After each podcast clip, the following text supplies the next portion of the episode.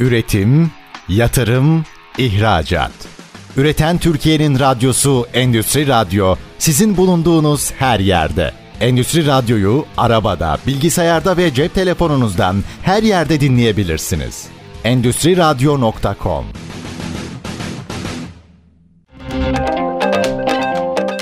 Salih Çaktı'nın hazırlayıp sunduğu Startup Dünyası programı başlıyor. Startup dünyasından herkese merhaba. Ben programcının Salih Çaktı. Bugün İnşaat Hesabı.com kurucusu Mikail Karaca ile birlikteyiz. Mikail Bey merhaba, hoş geldiniz. Nasılsınız? Hoş bulduk. İyi Allah'a şükür. Sen nasılsın? Biz de iyiyiz. Çok şükür yani koşturmaca devam ediyor. Öncelikle biraz siz tanıyabilir miyiz? Mikail Karaca, 91 doğumluyum. İnşaat mühendisiyim. Uzun yıllardır inşaat sektörünün içindeyim. Bir de sizin yüksek lisans da var bildiğim kadarıyla. Doğru. O da inşaat teknolojileri üzerine miydi? İnşaatta İnşaat, bilişim sistemleri. inşaat yönetiminde bilişim yüksek lisansı. Bu mühendislikten oraya geçmenizi yani o anda yüksek yapmanızı şey yapan şey neydi? Sizi yönlendiren şey? Ya o zamanlar uğraşıyordum ben lisanstayken. Belki bir faydası olur diye inşaat yönetiminde bilişim deyince hem yönetim hem bilişim ismi güzel geldi. Öyle bir yüksek lisans yapmış olduk. Evet. Peki kurmaya nasıl karar verdiniz? Yani ilk başta benim bildiğim kadarıyla bir Excel üzerinde aslında inşaatların maliyetini hesaplıyordunuz ki Türkiye'de inşaat sektörünün çok yoğun olduğu, güçlü olduğu bir ülkelerden biri. Ya aslında ihtiyaçtan doğdu yine. Herkes tabii kendi sektöründeki ihtiyaçları iyi biliyor. O zamanlar herhalde lisans ikinci, üçüncü sınıftayım. Ee, Bir inşaat maliyeti hesaplayacaktık. Aile işimiz müteahhitiz yani biz. Kendi inşaatımızın maliyetini hesaplayacaktım. Yani bir baktım inşaat maliyet programı yok. Herkes böyle geleneksel yöntemlerle maliyet hesabı yapıyor. Bunu böyle Geleneksel birazcık daha yöntemler dediğimiz metrekareyi bir şeyle çarpıyorlar. Yani. evet yani aslında şey var bir ajanda var bir de hesap makinesi var. Ya aslında inşaat maliyeti şöyle hala piyasanın %90'ı rahatlıkla böyle hesaplıyor diyebilirim. İnşaat kaç metrekare inşaatım var? 10 bin metrekare inşaatım var. Tamam metrekaresi 20 bin liradır. O zaman bu inşaat 20 milyondur. Hani 200 milyondur. Mantık böyle gidiyor. İşte 1000 metrekare inşaatın varsa sen bu inşaatı 20 milyona bitirirsin. Peki Direkt bu hesaplama metrekare- sonucunda neler yanlış hesaplanıyor neler doğru hesaplanıyor? Yani genellikle her şey yanlış hesaplanıyor. Yani mantık burada şöyle gidiyor. Türkiye'de enflasyon var. Enflasyon olduğu için yanlış hesaplasalar bile zaten inşaatının bitmesi için belli bir süre geçiyor. O süre geçene kadar fiyatlar da artıyor. O orada kurtarıyor. Genel mantık böyle gidiyor. İşte bazı mesela müteahhitler direkt döviz hesap yaparlar. Aslında kısmen doğru, kısmen yanlış. Şimdi döviz çünkü sürekli bir artış eğiliminde. İnşaat fiyatları sürekli artış eğiliminde. E, Bir hata olsa bile o kendi içinde sübvansiyon oluyor. Mantık biraz böyle gidiyor. Ama net bir şekilde bu inşaatın maliyeti şudur diye bir hesap yapan müteahhit sayısı çok az gerçekten. Yani. Evet, siz ihtiyaçtan doğdu dediniz. Nasıl başladınız? Excel üzerinde sanırım öyle hatırlıyorum ben de başladınız. Ya doğal olarak mühendisiz yani hani ilk başta bildiğimiz bir şey ben bilgisayar mühendisi değilim. Excel elimizin altında sürekli kullandığımız her gün haşır neşir olduğumuz. Önce ne yaptık? Birkaç tane inşaatın tüm metrajlarını döktük. E, bu metrajları bu metrajları dökerken ileriye dönük de bunu yapabileceğimiz bir şekilde formülize ettik. Yani mantığını şöyle düşünün. Diyelim ki beton hesabı yapıyoruz. İnşaatın maliyetini hesaplarken metrajlar lazım bir de fiyatlar lazım. Fiyatlar zaten kolay elimizin altında çok basit bu. En azından bizim için çok basit. E, metrajı hesaplarken bunu her proje için birebir hesaplanabilir manuel ama bunu böyle biraz daha otomatize etmek için, iş hızlandırmak için formüller geliştirdik. Yani bu formülleri geliştirmek yaklaşık bir, bir buçuk sene civarı sürdü. Yani buradaki mantık ne? Bir inşaata başlamadan önce, ortada proje bile çizmeden önce metrajları hesaplayabileceğimiz bir hale getirdik. Yani dediğim gibi Excel'de başladık. Böyle formülasyonlar gelişti.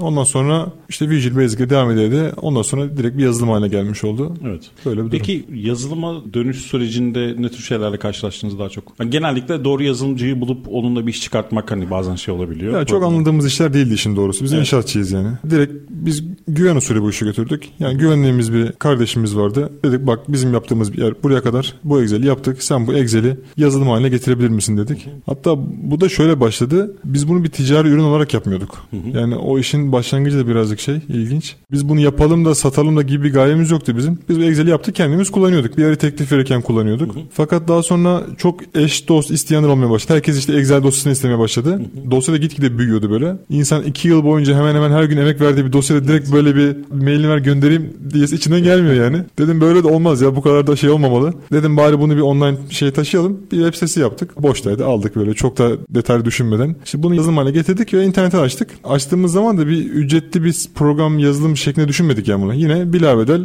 insanlara sunumunu açtık. Yani çok kolay olmadı ama güven esaslı gittiğimiz için bir de tam zamanlı buna böyle birkaç kişi çalışınca formülasyonlara hazır olunca ilk versiyon en azından çok uzun sürmedi çıkması. Yani böyle bir 4-5 ayda çıkarttık. Sonraki versiyonlar bizi daha çok çok zorladı. Durum bu şekilde. Şu anda kullanıcı sayısı nasıl arttı?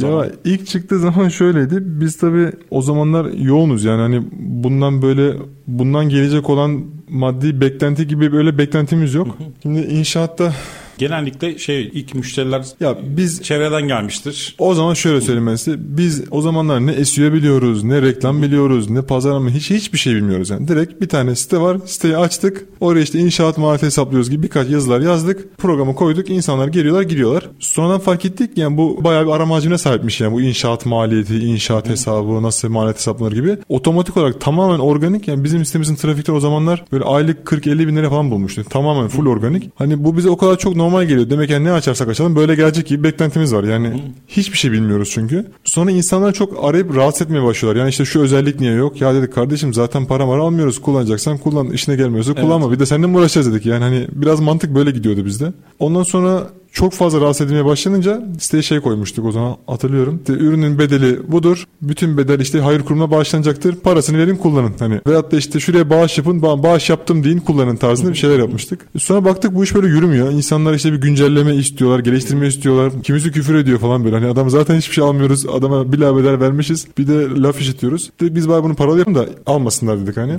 Yaptık baktık hala satılıyor. Benim de 15, 20, 30 tane falan satış var. Hani dedik o zaman artıralım mı almasınlar diye böyle hani 3 katına, 5 katına, 10 katına çıkardık. Yani bir garip bir garip bir şey. Yani sonuçta öyle istemiyoruz ama satış geliyor. Mesela bir yerde durdu. E sonra işte dolar bir ara çok hareketlenmeye başlamıştı. Evet. Şu anda yine hareketli ama bir aralar böyle tam çok pikler yapıyordu. O zamanlar böyle inşaat sektörü falan komple durmuştu. İşte pandemiden önce gelince artık dedik bari biz bunu şey yapalım. Güncelleyelim diye. Çünkü bayağı bir müşterisi olmaya başlamıştı. Alanlar tekrar almaya başlamıştı. Mesela onların değerlerini yeni yeni biz öğreniyorduk. Hani evet. birisi alıyor, sonra paket bitiyor, sonra tekrar, tekrar alıyormuş mesela. Tekrarlayan müşterinin ne demek olduğunu, hani onun kıymetini, önemli bir şey olduğunu falan aslında biz fark ettik. SAS yani. dediğimiz, software as a service dediğimiz ürün aslında orada Öyleymiş. Çıkartmış. Biz aslında yaptığımız ürünün işte SAS olduğunu birkaç yıl sonra öğrendik. Yani bunu bilmiyorduk biz yani. Peki güzel şeyler geliyor muydu? Ya teşekkür ederiz biz bu iş için çok yanlış yapıyormuşuz bu işi. Ya çok güzel mesaj gelmiyordu. Yani bizim memlekette bu biraz var maalesef. Bir insan bir şey iyi yaptığı zaman çok ölmez de kötü yaptığı zaman hı hı. çok hakaret olur. Genelde kötü mesajlar daha çok alıyorduk yani. İşte bizim yüzümüzden teklif alamayanlar, bizim yüzümüzden battığını söyleyenler falan oluyordu. Tabii sonradan hepsiyle böyle tekrar tekrar konuşunca çok onların da çok farklı hikayeleri var ya. yani mesela bir tane müşterimiz vardı. Bir gün aradı. Biz, ben bizzat kendim görüştüm hatırlıyorum. Sene belki 2017-18 falandır. Bir yere teklif verecekmiş. Kat karşılığı sözleşmesini hazırlamışlar. Proje hazır. Direkt notere gidecekler. Notere gitmeden iki gün önce bizi buluyor. Ya dur bir de hesaplayayım bakayım ne çıkıyormuş diyor. Hesaplıyor. Tabii detaylı da bir rapor veriyoruz. Hı hı. E, rapora bir bakıyor işte inşaat maliyeti çok yüksek geliyor. Ya bu kadar olmaz diyor çünkü satış fiyatını kurtarmıyor diyor. Sonra arıyor bizi konuşuyoruz diyoruz e, hesap bu hani ya yanlış yapıyorsunuz diyor. Yani yanlış yaptığımız varsa bir şey neyle neyi topladığımız belli. Raporu çünkü burada belli. Hani betonun fiyatı mı yanlış, kapının adedi mi yanlış, ne yanlış? Hani hepsine tek tek bak diyoruz. Ya hepsine baktım doğru gözüküyor diyor ama e, topladığın zaman da doğru gözüküyorsa doğrudur diyoruz. Neyse adam oradan işe almaktan vazgeçmiş. Ondan sonra bizi aradı. Bak ben de işe almadım dedi. Dedim o karar sizin bizi ilgilendirmez. Biz size sonuçta yapın yapmayı demiyoruz. Biz evet. size sadece bir öngörüsel olarak maliyet hesabı veriyoruz. Nasıl işinize gelirse. Adam işe almaktan vazgeçince bir iki gün sonra hemen başka bir müteahhit buraya anlaşmış. Hazır proje, hazır her şey hazır olduğu için direkt anlaşmış. Adam bizi aradı. Ya ağız alınmayacak küfürler ödüyor. Neler evet. neler yani. Ya dedik beyefendi yani internete yazıyor. Bütün sayfalara giriyor. Yorumlar yazıyor falan. Hani, mail atıyor hani. Aslında sadece bir görüş aldı yani hani. Doğru. Daha sonra aradı mesela müşteri. Aradan biz 8-10 ay falan geçti. Diğer müteahhit işin batırmış. Diğer müteahhit kabasındayken maliyeti kurtaramıyor diye bırakmış. Ya Allah razı olsun diye siz benim diyor hani bütün şerefimi kurtardınız falan diye. Dedik valla yediğimiz küfürler diye yanına cabası yani. çok fazla var ya böyle evet. çok hikayeler var yani. Ya aslında şey var insanlar bir hayale inanıyorlar. Gerçekleri rakamla verilerle karşılaş koyduğunuz zaman önlerine bazen ona inanmak da zor geliyor olabilir. Ya aslında sonuçta biz 2 ile 2 toplayıp 4 diyoruz. Hı-hı. Adam 5 olmasını istiyor ama 4 çıkıyor diyoruz. Yok kardeşim diyor 5 olması lazım diyor. Nasıl istersen diyoruz. Hani bizim yaptığımız 2 ile 2 toplamaktan farksız. Hı-hı. Tamam biz çok daha fazla şey topluyoruz ama yine de bunları topluyoruz. Evet. Her şey belli. Hepsini kontrol edebiliyorsunuz yani. Direkt böyle bir havadan gelen bir değer yok burada yani. Hepsi piyasadan. Peki yani şu an bir inşaat mühendisi olarak e, bu yazılım ya aslında siz bilgi birikiminize yazılımı entegre ederek ortaya faydalı bir ürün çıkartmışsınız. Buraya hani bir mühendis gözüyle baktığınız zaman bir de bir e, yazılım bir SAS girişimcisi olarak baktığınızda ne farklar var? Yani sektörel olarak. Yani bir SAS'a sahip olmak mı daha zor yoksa bir inş, sıfırdan bir inşaat oluşturup ya da bir site yapmak ya da bir AVM yapmak mı daha zor? Elbette inşaat yapmak daha zor yani. Çünkü biraz olayla ilgili aldığınız riskler de önemli. Yani şimdi mesela inşaat yaparken bir adam inşaattan düşüp hayatını kaybedebiliyor. Böyle bir risk var. Evet, yani. Şimdi evet. böyle baktığınız zaman bir SAS gelişiminde en fazla kaybedebileceğiniz maddi değerlerdir. Yani hani bir para kaybedersiniz. Daha fazla kaybedeceğiniz bir şey yok. Ama diğer türlü iş çok daha riskli. O yüzden inşaat yapmak her türlü daha Bir riskli. de şey var hani günümüzde baktığınız zaman insan kaynağı noktasında da bir SAS girişimi daha herhalde kolay. Ama inşaat sektörü biraz daha herhalde gün, bu şartlarda biraz daha zor herhalde. Ya SAS girişimin nasıl bir girişim olduğuna bağlı. Yani şimdi mesela bizi de böyle girişimci gibi adlandırıp gelip bizden akıl almaya çalışanlar oluyor da yani insanlar hiçbir risk almadan bir şey yapmaya çalışıyorlar. Ya onun çok bir anlamı yok. Sıfır riskle bir şey ortaya çıkarmaya çalışmanın bir anlamı yok. Yani risk her ikisinde de var da yani SAS gelişiminde bana göre en büyük risk aslında hayal olan bir şeyin üzerinde peşinde koşmak. Yani aslında hiçbir yere varamayacaksın ama insan kendini buna inandırıp yıllarca peşinden koşmak sıkıntı olabiliyor yani.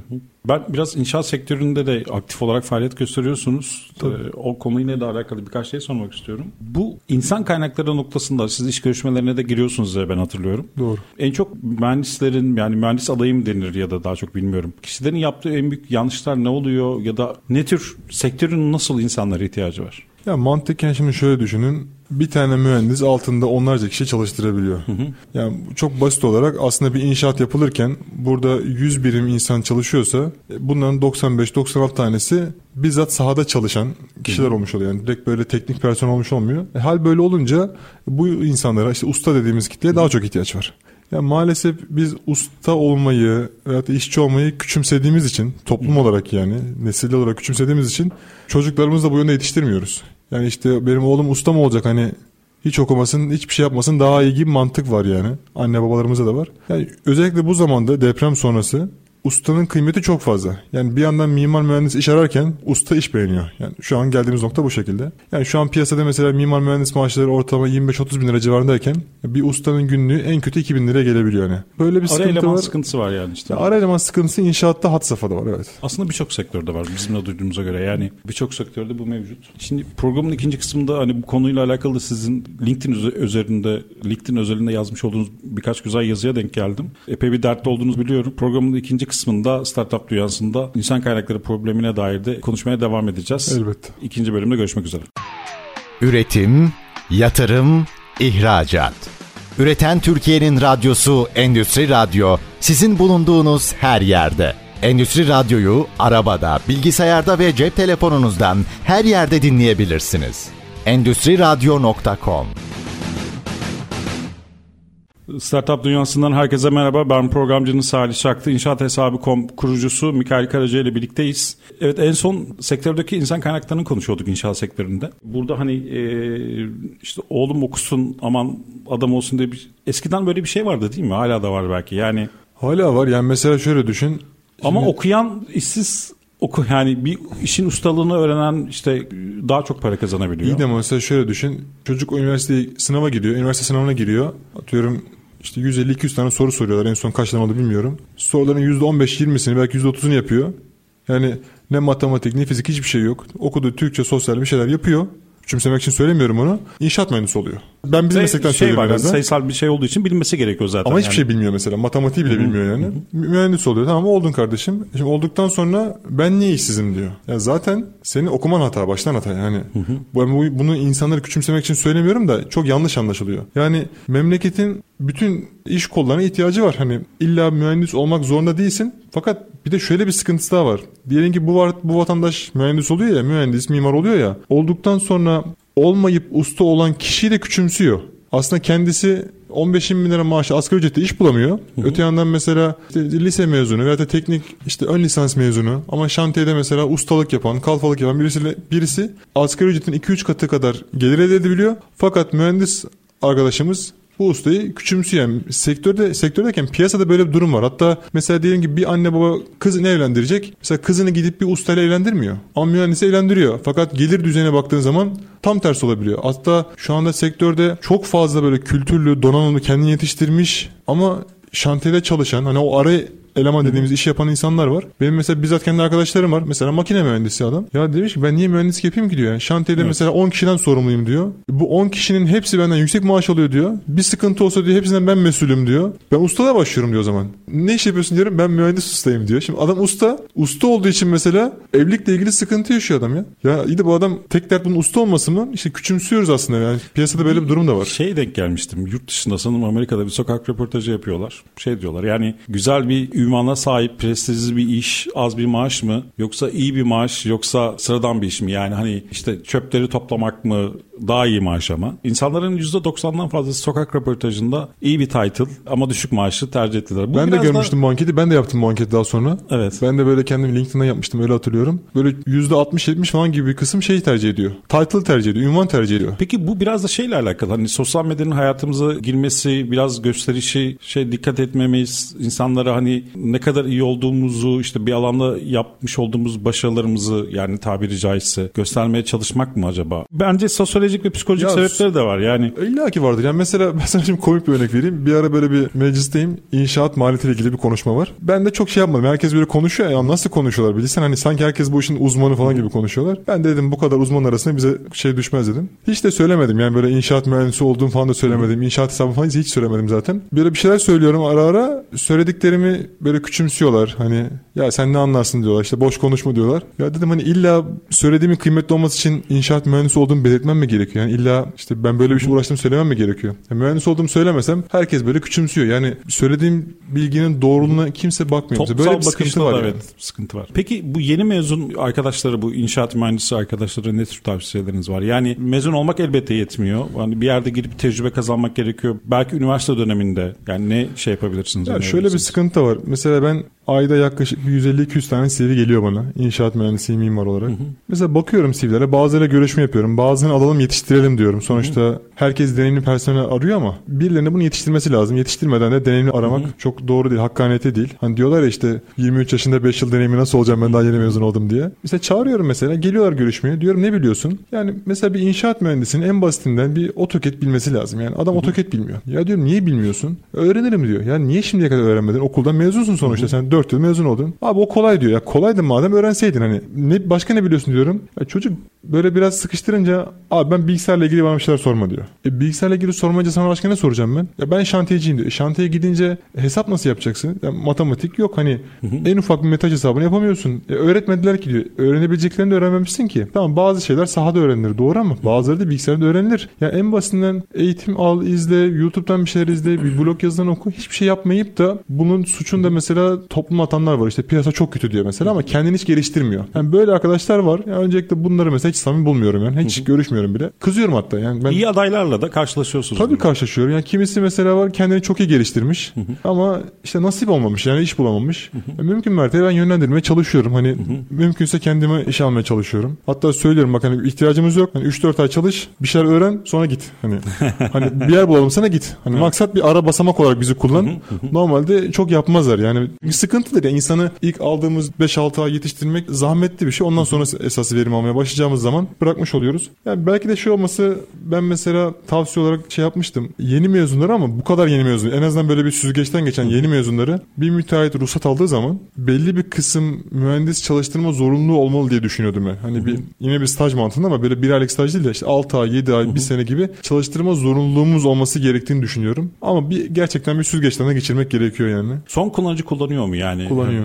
Onu kullanma sebepleri ne? Motivasyonları var. Ya esas müteahhitler kullanıyor. Niye? İnşaatın ma- maliyetini çünkü onlar düşünüyorlar. Kimisi kendine bir ev yapacak. Aslında kendi müteahhitlerini kendisi yapacak mesela o yüzden kullanıyor. Bazen şeylerle karşılaşıyoruz. Müteahhite mesela kentsel dönüşüm projesi müteahhite kat karşılığı verecekler inşaatlarını. Müteahhitin kaç para kazandığını hesaplamaya çalışanlar da oluyor. ya diyor ki müteahhiti biraz daha sıkıştırabilmek için diyor. Tabii bizden de danışmanlık almak isteyenler oluyor. Çünkü ben işte ne kiriş nedir, kolon nedir hiçbir şey bilmem diyor. Bizim diyor ada parsel bu. İşte bu inşaat kaç paraya biter bize bir hesaplayın diyor. Ne yapacaksınız diyorum. Ya diyor işte lazım bize. Siz mi inşaatını yapacaksınız yok müteahhite vereceğiz. E müteahhit hesaplasın o zaman diyorum. İşte ona göre sıkıştıralım diyor mesela.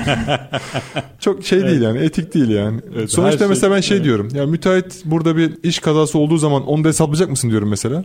Ne alakası var diyor. O da bir risk değil mi diyorum. Sonuçta alınan riskler illa maddi risk mi olacak? Yani manevi riskler de risk değil mi diyorum. Yani biz mesela böyle olduğunu bildiğimiz projeleri hesaplamıyoruz yani. Çok doğru gelmiyor bize. Anladım. Onun haricinde mimarlar kullanıyor. Mimarlar piyasada müteahhit müşterilerine hizmet veriyorlar. Bazı böyle profesyonel emlakçılar kullanıyor ama hani profesyonellik illa böyle bir franchise adı altındaki profesyoneller değil. Gerçekten işini hakkıyla yapan emlakçılar kullanıyor. Onun haricinde değerleme uzmanları kullanıyor. Özellikle böyle mahkemede bilirkişi konuları olduğu zaman kullanıyorlar. Aslında geniş bir portföy var. Ama burada. esas böyle %90 çoğunluk müteahhitlere diyebiliriz. Evet. Peki biraz inşaat sektörü odaklı da gidiyoruz. Yani sonuçta ortadaki SAS inşaat sektörüne yönelik faaliyet gösteren bir girişim. İnşaat sektöründe geçirdiğiniz yıllarda karşılaştığınız en büyük zorluklar nelerdi? Yani mesela pandemi döneminde sektörün yavaşlaması bir zorluk muydu sizin için? Ya bence değil. Sektör duruyor sonuçta.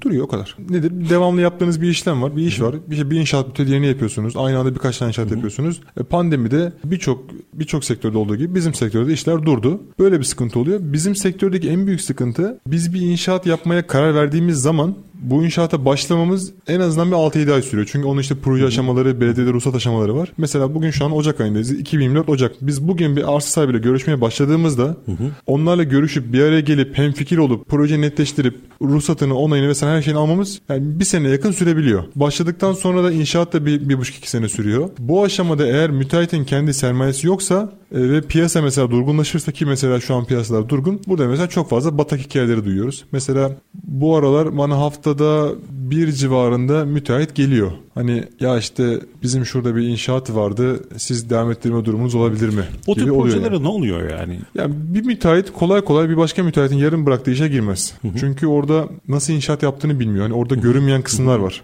Şimdi deprem bölgesinde bunu mesela tekrar denilmedik. Evet. Çok basitten söylüyorum. Bir beton dökülmüş. Betonun kalitesini bilmiyoruz. Hani alınan sadece numunelerle bu iş olmuyor. Demir nasıl bağlanmış Projede bilmiyoruz. onun da ismi geçecek. Tabii bu inşaat kim yaptı? İşte X firması yaptı. Ondan önce Y firması başlamıştı. Artık Y firması bir nevi oradan sorumluluktan çıkıyor gibi oluyor. Ya doğal olarak X firması diyor ki yani ben bu işe niye gireyim ki diyor. Yani bunun girmem için özel bir sebep olması lazım diyor. Gider başka inşaat yaparım diyor. Zaten yapacak inşaat çok fazla var diyor. Kolay kolay girmiyorlar o yüzden. Ne oluyor? Ya müteahhit yarıda bırakıp gidiyor. Mesela geçenlerde bir tabii bizim sektörde olduğumuz için çok fazla haberler geliyor. Böyle bir 2000 2500 dairelik bir inşaata mesela başlamış. Müteahhit anlaşmış. Binaları yıkmış. E şimdi artık sıkıntı çıkıyor. Muhtemelen yarıda bırakacağım. 2500 şeyleri. daire kaç kişi yaş- yani takriben herhalde bir 10 Tabii bine çok yakın büyük bir kişi. alanı mesela toplamış. Evet. Yani inşaata başlayacak. Başlayacak ama sektör kötü gidiyor. Ben vazgeçtim diyor mesela. Şimdi e, vazgeçince ya olur mu sözleşme yapmıştık. Tamam kardeşim sözleşmeyi feshedelim diyor. Ya böyle sıkıntılar çıkabiliyor. İki taraftan da çıkabiliyor. Yani her insanın iyisi kötüsü var. Müteahhitin iyisi kötüsü var. Hani arz sahibinin iyisi kötüsü var. E kimisi iş bilmezlikten batıyor. E kimisi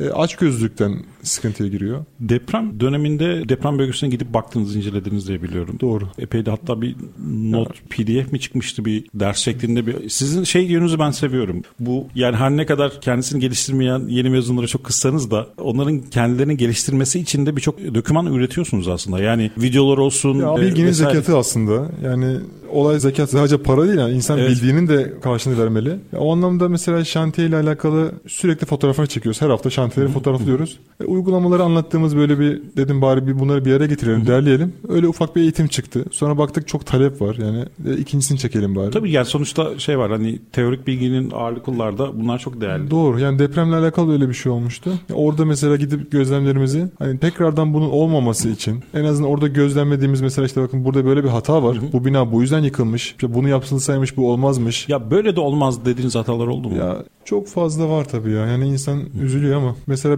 ben mesela artık bir yere teklif verirken eskiden mesela bir yerin karlı olup olmadığına göre teklif verirdim. Artık mesela bir arsam var. Bir yeri yıkacağım, yapacağım ama etrafındaki inşaatların dönüşebilme durumunda dikkate alıyorum. Mesela geçenlerde çok böyle cazip bir yer vardı. Teklif vermedik mesela. Sebebi çünkü hemen üstümüzde bir bina var ve dönüşmesi neredeyse mümkün değil. Ya Yıllar sürebilir ve çok riskli bina. Yani direkt 3 yıl 5 yıl sonra olası bir İstanbul depreminde mesela o bina direkt bizim binamızın üstüne Evet. çöker diye düşünüyoruz. E sonuçta ben müteahhitim satacağım gideceğim diye bakmıyorum. Yani vicdani boyutu var bu işin. Mesela deprem bölgesinde böyle bir tecrübe edinmiştim. Yani çok fazla hatalar var. İnsanlar şimdi genel olarak depremde ya işte ben diyor bir beton testi yaptırayım diyor. Aa betonlar sağlammış. Aa demirler de düzgünmüş. Zaten bizim burası çok kayalık bir yer işte. Ben burayı dedem yaptırmıştı. İşte eskiden Zaten ben o iyi biliyorum. şeydir ya. Böyle herkes burası kayıkmış. İstanbul'da bir efsane zaten o Ya yani. evet çok Herkes fazla öyle var diyor. yani. Kimsenin yeri de kötü değil. Herkesin yeri çok güzel. Biz işte sorduk bunu eskiden yapanlara çok sağlammış burası diyorlar. Ama şu var çok böyle çok çok ufak işçilik hatalarından yıkılan binalar gördük. Yani böyle kimisi müteahhitten kaynaklı yerlerde gördük. Kimisinde mesela malzemeler 10 numara kullanılmış. Her şey çok güzel işçilik hatası var. İşte demir düzgün bağlanmamış.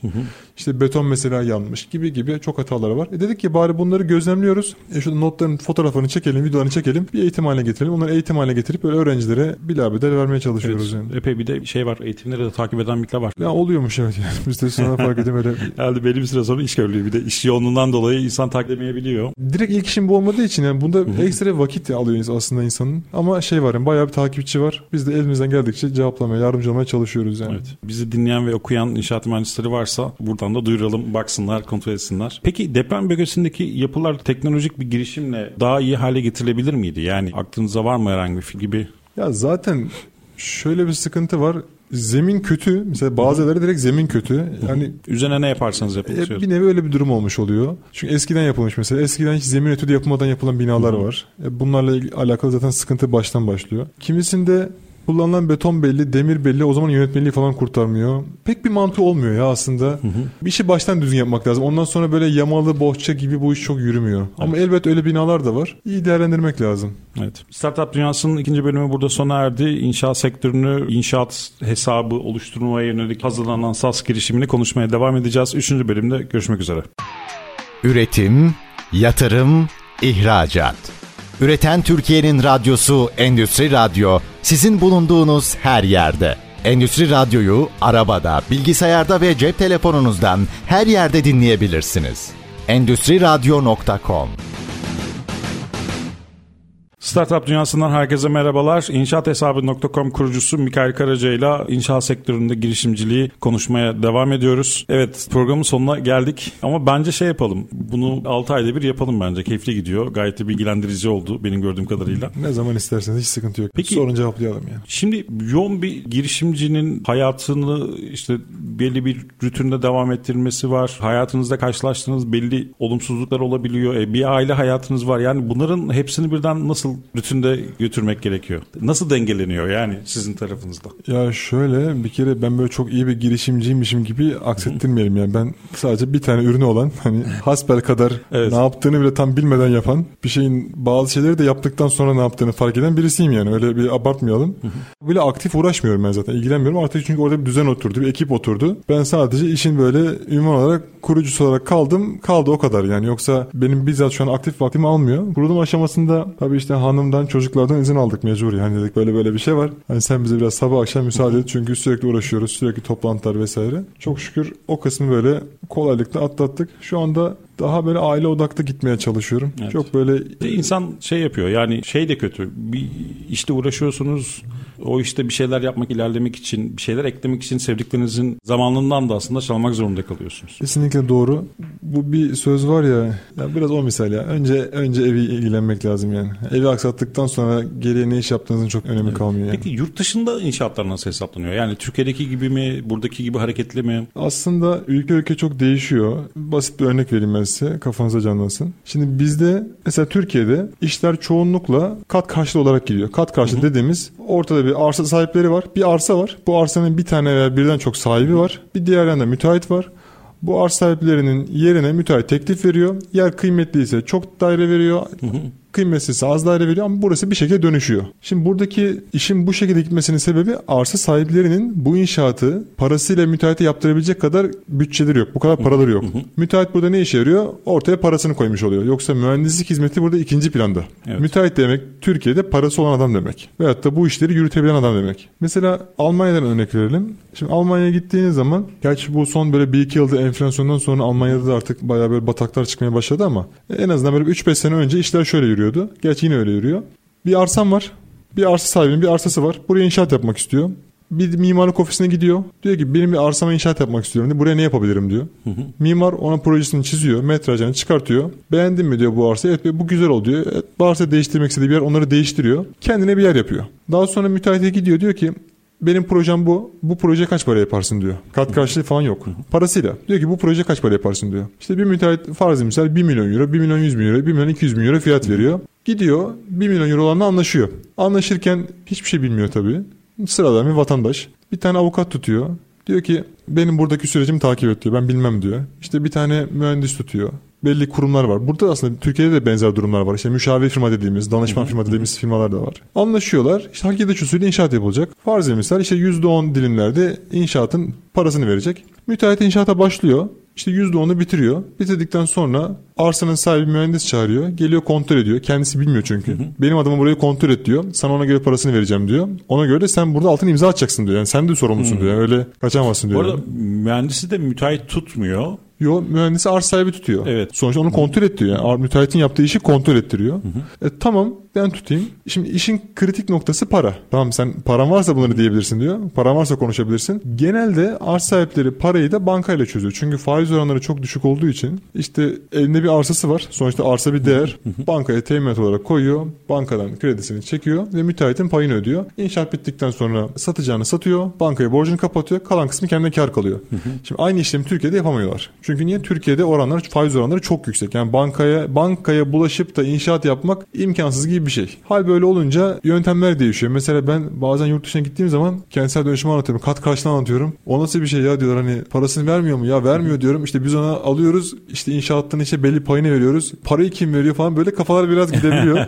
Model biraz değişik. Yani biz bunu benim bildiğim mesela ben yurt dışında çok görmedim. Sanki biz böyle Türk modeli gibi uydurmuşuz yani. Ama evet. ne oluyor? Çoğu zaman arsa sahibi mesela müteahhitlerden teklif istiyor. Bir müteahhit ona elma teklif veriyor. Biri armut diyor. Elma ile armutu kıyaslayıp ben portakal yemek istiyorum diyor mesela. Çünkü bambaşka teklifler geliyor. Denetleme olayı da çok farklıymış. Yapı yani. denetimi şu anda bayağı oturdu aslında. Hı. Yani yurt dışında da mesela aslında bu mesela Almanya'da şey görmüştüm. Şu bizde araç muayenelerinde TÜV, TÜV var ya evet. orada mesela TÜV diyorlar. TÜV mesela onları yapıyordu öyle biliyorum. Bizdeki onlar tabii özel gidiyor bildiğim kadarıyla. Her ülkenin farklı bir yoğurt işi vardır. Yani bizde bu işler yapı denetim aracıyla görüyor. Geçmişte bayağı sıkıntıları vardı. Şu anda epey bir oturdu diyelim yani. Artık böyle bayağı oturdu. İnşallah bundan sonra sıkıntı çıkmayacaktır. İnşaat sektöründe ne tür teknolojik değişiklikler oluyor? Yani mesela en son gerçi çok fazla bir şey yapmıyor da 3D yazıcılarla bir şeyler yapılmaya çalışıyor ama onlar ufak kulübe diyebileceğimiz. Ya şöyle söyleyeyim yapılar. ya yapay zeka bizim inşaatları yapamıyor yani. Ha? Öyle evet. chat GPT bizim inşaatta duvar öremiyor yani onu bir evet. kere bilin yani. Öyle, o işler ya, yaş.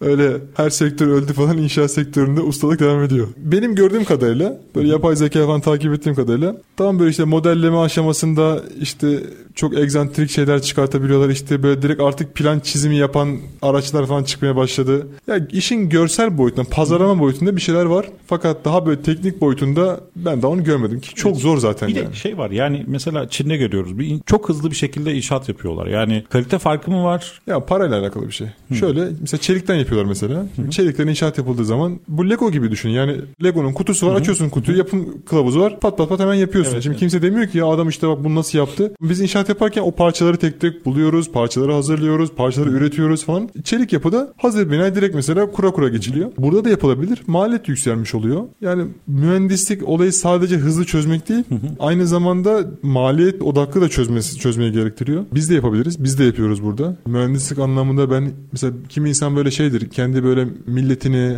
memleketini küçümser. Kesinlikle öyle ben öyle birisi değilim. Yani birçok ülkeden bin kat daha iyiyizdir. Hı hı. Yani böyle yurt dışına falan gittiğimiz zaman baya baya böyle gülüyoruz yani. yani siz diyoruz işte Almanya, Fransa falan gidince siz diyoruz hani kendinizi mühendis mi zannediyorsunuz? Siz hayırdır ya buna ne yapıyorsunuz? Böyle iş mi yapılır? Hiç mi bu işi öğrenmediniz? Hiç mi öğretmediler size falan diyoruz mesela. Diyebiliyoruz yani. Hani gurur veriyor. Ama bu demek değildir ki bizim hepimiz onlardan iyiyiz. Tabii ki yani orada iyi olanlar var, burada iyi olanlar var. Ama genel olarak biz o anlamda böyle geri kalmış bir ülke değiliz yani. Özellikle inşaat, inşaat sektöründe iyiyiz yani. Evet. İyiyiz yani. Rahatlıkla iyi olduğumuzu söyleyebilirim yani. Peki gördüğünüz bir değişiklik var mı? Piyasayı bilmek lazım. Mesela Hı-hı. ekonomik gidişat gayrimenkul sektörünü direkt etkiliyor. Ben mesela şimdi düşünüyorum yeni inşaat şu an yapmalı mıyız? Önümü hiç göremiyorum. Hı-hı. Önümü göremediğim zaman benim önümü görebilmemi sağlayan şey inşaat sektörü değil. Genel bir globaldeki finansal gidiş nereye gidiyor? İşte insan hepsini evet, düşünüyor doğal olarak. Zaten ülkenin yani. konumu gereği her en ufak bir şeyden etkilenen Tabii bir yapıdayız. Yani, doğal olarak bize Peki, düşünüyoruz. girişimciler ve genç profesyoneller için önerinizi de soracağım da dünyada bu inşaat odaklı farklı yazılım çözümleri var mı?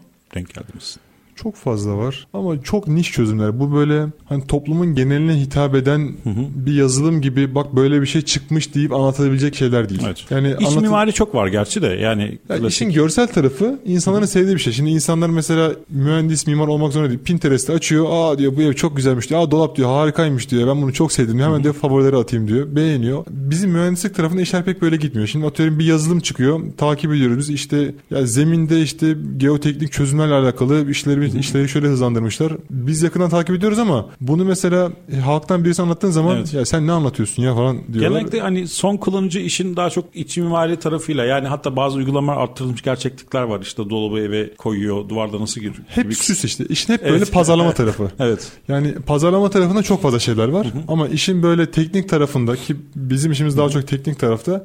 Teknik tarafta bunlar çok fazla yok yani. Olsa bile böyle teknoloji dünyası tarafından duyurulmayan, bilinmeyen konular olmuş oluyor. Çok böyle butik kendi içinde gitmiş oluyor yani. Peki Türkiye'deki sizin geliştirmiş olduğunuz bu inşaat varlık hesaplama yazılımı dünyada hangi ülkelere daha kolay entegre olabilir? Hiçbir ülke odakta gidemez. Biz çünkü çok, çok niş bir hesaplama yapıyoruz. Ya biz çok farklı işlem yapıyoruz. Yani biz çünkü oradaki fiyatları biz piyasadan alıyoruz. İşte ustalara görüşüyoruz. Bizdeki fiyat mantığı çok çabuk değişiyor. Bir kere bizde enflasyon var. Yani bizde mesela fiyat değişkenliklerinin neye göre değiştiğinin bir adı yok. Hı hı. Bir ürün 10 liradan 11 liraya çıkıyorsa niye çıktığının sorusunun bir cevabı olmayabiliyor. Çok zor bir şey maliyetini çıkartıyorsunuz aslında aslında. biz bunu ne yapıyoruz? Yani öngörüsel bir şey de yapamıyoruz ki. Biz piyasadan alıyoruz.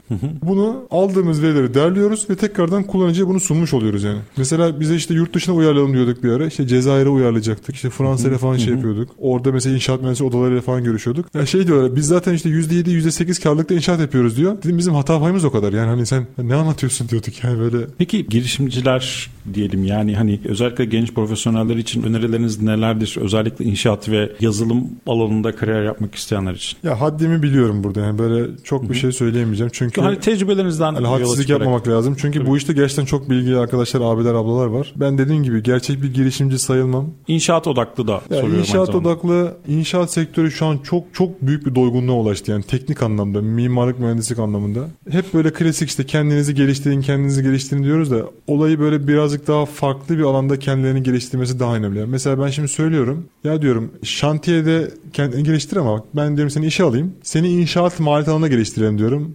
Abi o ne ya falan diyor mesela. Hani herkes böyle şey zaten bir yerde çok fazla olan bir şey yani arz talep meselesi direkt fiyatı düşüyor. Sen diyorum klasik bir proje çizen birisi olacaksan zaten bundan piyasada binlercesi var. Hani biraz daha farklı bir şey yapmak ister misin diyorum. Ya, o riski alamam ben diyor. Ya bence inşaat sektörüne devam edilmesi düşünülüyorsa biraz risk alıp çok böyle az tercih edilen yerlere yönelmek bence daha faydalı olur. Ben bir mimarla tanışmıştım. Ses akustiğiyle ilgileniyordu sadece. Çok yani. Güzel. Çok fazla var. İşte onun işi o. Benim uzmanlık alanım bu diyor. Öteki Hı-hı. türlü mesela bir mimar dediğiniz zaman bir fiyat şeyi yapın. Mesela bir proje çizmek için bir mimar arayışına girin. Ya yüzlercesi anında fiyat teklifi gönderir. Ama öteki türlü bu ses akustiğiyle uğraşan mimarın arayıp özellikle bulmanız gerekiyor. Yani, yani lütfen bizde teklif verir misiniz demeniz gerekiyor. Çünkü ondan çok fazla yok. Mesela böyle bir alan var. Böyle bir ihtiyaç doğmuş. Onu çözmeye çalışıyor. Ama dediğim gibi bunlar riskler de barındırıyor. Yani bunu bununla uğraşıp birkaç sene sonra direkt bir sıfırla da karşılaşabilirsiniz yani. İşte bunu bu da bir risk zaten. Ticarette zaten bir risk evet, olmuş oluyor. Evet. Yani. Öyle yeni nesil teknolojilerle birlikte böyle farklı bir alt alanlar çıkmaya başladı mı? Çok fazla çıkıyor ama artık böyle birbirini birbirine benzeri tekrar gibi olmuş oluyor. Yani tamam elbette üstüne biraz daha geliyor şey gibi düşünün. Bir telefon modeli var. E, seneye işte onun bir üst modeli çıkıyor ama yani onu alma ihtiyacı hissetmiyorsunuz. Zaten bunun aynısı gibi ya diyorsunuz. Evet, hemen hemen aynı diyorsunuz. Bir nevi bunun gibi gidiyor. Yoksa böyle çok yeni bir ürün çıktığıyla çok karşılaşmıyoruz böyle. Yani. yani bu aday arkadaşların temel eğitimini en iyi şekilde alıp farklı alanlarda yapmak istedikleri farklı alanlara yönelmeleri daha iyi olacaktır. Ya ben mesela şey de söylüyorum inşaat mühendisi okumuş oldukları için illa inşaat mühendisi yapmak zorunda değiller yani. Çöpe mi gitsin diyor. Yani çöpe gitmesin. Sonuçta bir teknik bir eğitim aldınız. Hı hı. Yani olaya bakış açısı kazandınız. Zararın neresinden dönsek kârdır. Çünkü bu şey değil ya bir zulüm olur. İnsan sevmediği bir şeyi veyahut da yeteneği olmadığı bir şey yapamaz yani. Evet. Son soruma geçeceğim. Yeni güncellemeler gelecek mi? Var mı talepler? İnşaat hesabında evet. mı? Talep çok fazla var ama yakın zamanda düşünmüyoruz. Çünkü inşaat hesabının hesabının şöyle bir sıkıntısı var. Biz inşaata başlamadan önce destek veren bir programımız, yazılımımız. Ve bizim sektörümüzdeki kullanıcılarımız yani ağırlıklı müteahhitlerimiz maalesef bunun kıymetini çok bilemiyorlar yani. Eğer satış odaklı bir şey yapmış olsaydık mesela bundan yani minimum 20-30 kat daha değerli olabilirdi. Çünkü orada artık direkt böyle müteahhitin cebine para girecek bir alan olduğu için işin kıymeti artıyor. Ama hesap alanında buna mesela müteahhitler çok kıymet vermiyor. Bunun örneğini örneğin inşaat hesabından ziyade ise ben statikten örnek vereyim. Mesela müteahhit gidiyor 100 milyonluk bir inşaat yapacak. Yani inşaatın maliyeti 100 milyonluk bir inşaat. Ya en ucuz statikçiyi nasıl bulurum? İşte statik projeyi en ucuza nasıl çizdiririm? İşte adam ya 100 bin liraya çizer misin? 95 bin olur mu'nun pazarlığını yapabiliyor mesela. Evet. Bu zihniyette bu çok zor yani. Biz o anlamda yaptığımız yatırımın karşılığını çok kolay alabileceğimizi düşünmediğimiz için çok böyle ilave ekstra özellikler getirmeyi çok düşünmüyoruz yani. Çok teşekkür ederim Mikail Bey konuk olduğunuz Rica için. demek. Ee, var mı eklemek istediğiniz herhangi bir şey? Yo, canınızın sağlığı. Teşekkür ederim. Çok Biz sağ de olun. çok teşekkür ederiz. Startup Dünyası burada sona erdi. İnşaat Hesabı.com kurucusu Mikail Karaca ile birlikteydik. Önümüzdeki hafta tekrar görüşmek üzere. Kolay gelsin.